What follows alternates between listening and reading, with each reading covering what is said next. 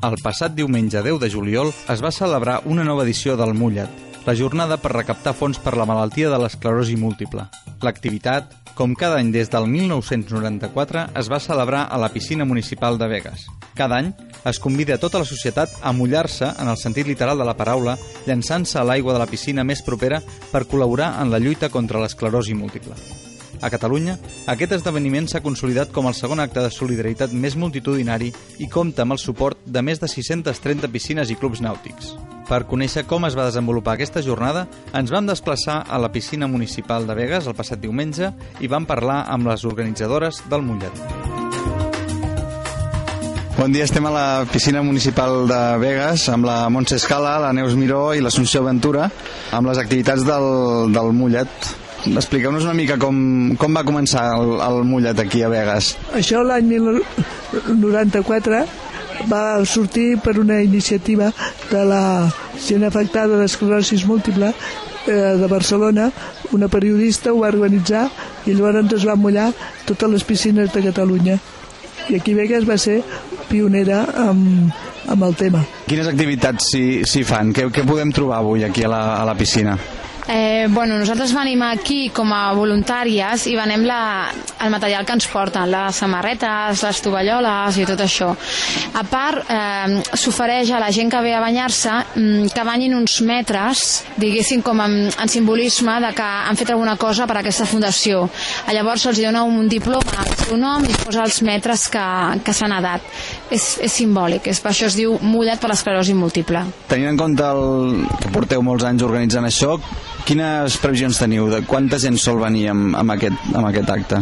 Bé, doncs en principi hi ha bastanta gent que col·labora. Eh, normalment sempre venem tot el material que, que exposem, o sigui que això en aquest sentit estem molt contentes i, perquè la gent col·labora. A part de fer donatius eh, amb una guardioleta que tenim aquí, doncs eh, en principi la previsió de, de gent és bona i cada any eh, s'ha afegit més gent. Per tant, en aquest sentit estem molt contentes. I amb el que s'aconsegueix amb, aquesta, amb aquesta festa, quines millores s'han aconseguit amb, envers la malaltia? Investigació, després vull dir, ha hagut eh, local per poder anar a fer activitats, la gent, hospitals de dia, i vull dir, més que res per, per ajudar la gent amb aquest problema i estudiar a veure quins medicaments poden sortir amb una malaltia que no saben de què ve ni de què va i ni saben com se cura. Vull dir, és estudiar sobre el tema.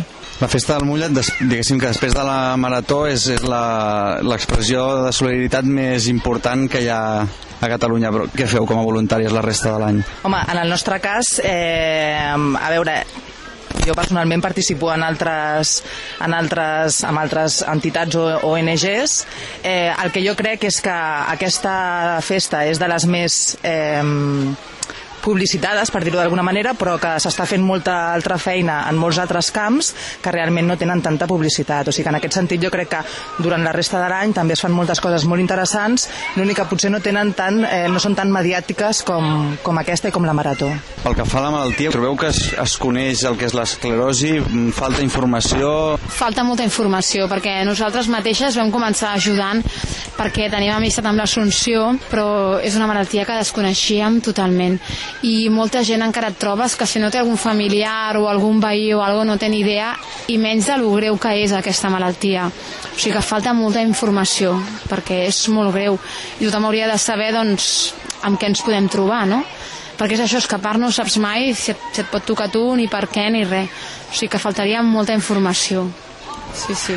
Perquè la gent conegui una mica com funciona, que eh, ens podeu explicar una mica què, en què, què, què passa amb aquesta malaltia, en què consisteix? Mira, és la malaltia dels nos. O sigui, no es, pre, no es prediu, no és hereditària, eh, no té cura, eh, no, no és una enfermetat que mati si no et mores de la malaltia i cada vegada està, va, va degenerant més el teu cos no respon a les necessitats principals no pots arriba un moment que no pots menjar sol, no et vesteixes sol, vull dir, no t'arregles, o sigui, ets dependent 100%. Hi ha qui pot anar en cadira de rodes, hi ha qui no pot, i a mica a mica vas perdent, perquè primer vas amb les mans, vull dir, les portes una cadira de rodes normal que l'empitges tu, després has d'agafar una cadira elèctrica, al final jo ara, els que em coneixeu ja ho sabeu, que la, haig de conduir amb la barba, o sigui, cada vegada, vull dir, el cos es va deteriorant més. Ningú és igual. Hi ha qui, vull dir, passa i vull dir, quasi bé no ho nota, però n'hi ha d'altres que, que vull dir, ho passen molt malament. Tens el Hawkins, coneixes el, vull dir, el Hawkins, però aquest senyor, imagina't tu com està. Vull dir, el veus que va també amb una cadira que l'empitja amb les mans, vull dir, i n'hi ha d'altres que van la mar de bé. Això no, no se sap mai.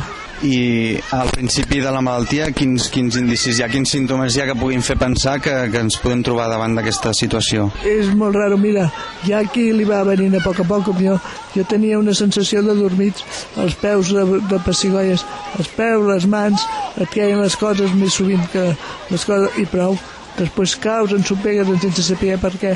En canvi, n'hi ha d'altres que agafen i un dia al matí es lleven i no poden sortir de llit. Que, bueno, què m'ha passat a mi? Això, vull dir, tothom, no hi ha ningú igual. És una malaltia que no hi ha ningú igual. Cadascú t'explicarà una reacció diferent. Jo m'ha passat això, jo m'ha passat allò, i aquí no se n'han enterat fins al cap d'anys i no sabien el que tenia.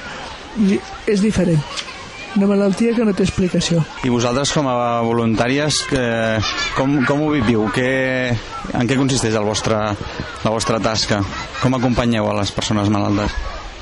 Doncs en aquest sentit el que fem és, és això cada, cada any eh, per aquestes dates, que és quan es fa eh, el dia de l'esclerosi del mullat, doncs eh, venim aquí i que, que sempre hem estat les mateixes de fet, no? l'Assumpció, la, la Montse i jo des de fa anys i bé, doncs ens posem aquí la, la parada i venem les, el material que, que ens porten des de la Fundació. Intentem vendre el màxim possible no? per recaudar, recaudar com més diners millor. Perquè sabem que aquests diners doncs, aniran destinats a la investigació sobre aquesta malaltia i considerem que, que això és importantíssim no? per millorar la qualitat de vida de les persones que la pateixen. I a nivell de la Fundació d'Esclerosi Múltiple, quines altres activitats o quins altres serveis ofereix la Fundació? Al centre hi ha de tot. Hi ha, hi ha gent que va a les cases, vull dir, també ajudar. Però esclar, aquí a Vegas és un puesto molt lluny i és més costós. Però llavors, vull dir, hi ha i que et poden, van a les cases a ajudar, o sigui, van, eh, tenen eh, excursions, programen excursions de, de diari, vull dir, sortir, després hi ha, mm, què més, a Reus també hi ha centres, vull dir, ara ja n'hi ha a tot Espanya, vull dir, però vull dir, eh, es dediquen a moltes coses i a més a més a investigació, perquè hi pots treballar, hi ha molta gent empleada allà, hi ha llocs de treball per persones, totes aquestes coses eh, busquen moltes coses. El que passa que ja et dic aquí Vegas eh, no es veu. I a més a més aquí Vegas van tenir la Santa Barra però no ells la, he dit la Santa Barra però no ells sinó la eh, ara fa 10 11 anys, 11 anys o 12 el transport sanitari dir, van dir que no posaven ambulàncies per malalts crònics i els que tenim malaltia crònica de per aquí del Baix del Penedès del Garraf d'aquí de, d'aquí de, de, de, de, del Baix Llobregat. No podem anar a rehabilitació perquè no ens porten les ambulàncies. Si anem pel nostre peu sí. Però vull dir pel nostre peu per la, però vull dir amb el que anàvem vull dir ara no hi anem la majoria no hi podem anar perquè ens van treure el transport vull dir, però per lo de més el centre fa, fa el que ha de fer. El tema de la, la, la Fundació últimament està eh, posant bastants esforços amb el tema de la, de la um, inserció laboral de les persones que pateixen aquesta malaltia. O sigui, si ara eh, amb el panorama actual eh, de la crisi i eh, una, una persona que no té una malaltia ja té moltes dificultats per trobar feina, doncs en el cas d'una persona que té una malaltia així, doncs és molt, molt pitjor el tema, no? Per tant, en aquest sentit, la Fundació sí que està fent molts esforços amb, amb això i crec que és molt important també. Per acabar, quin missatge donaríeu a la gent perquè s'impliqués una mica en, en voluntariat, en causes com, com la que defenseu, perquè és important destacar la feina que fan moltes entitats sense ànim de lucre per, per això, per donar a conèixer i per, i per ajudar a les persones, no? Doncs que, que coneguin, que busquin informació per internet, pels mitjans de comunicació, o sigui, hi ha molta informació al nostre abast si nosaltres estem disposats a, a trobar-la. I sobretot això, que, que és molt gratificant sacrificant eh, fer una feina per intentar ajudar a, als altres, no? perquè després això també repercuteix sobre tu mateix, no? que és el més important també. No? Doncs moltes gràcies per acompanyar-nos a Ràdio Vegas i, i fins, fins aviat. Gràcies a tu. Adéu. Merci.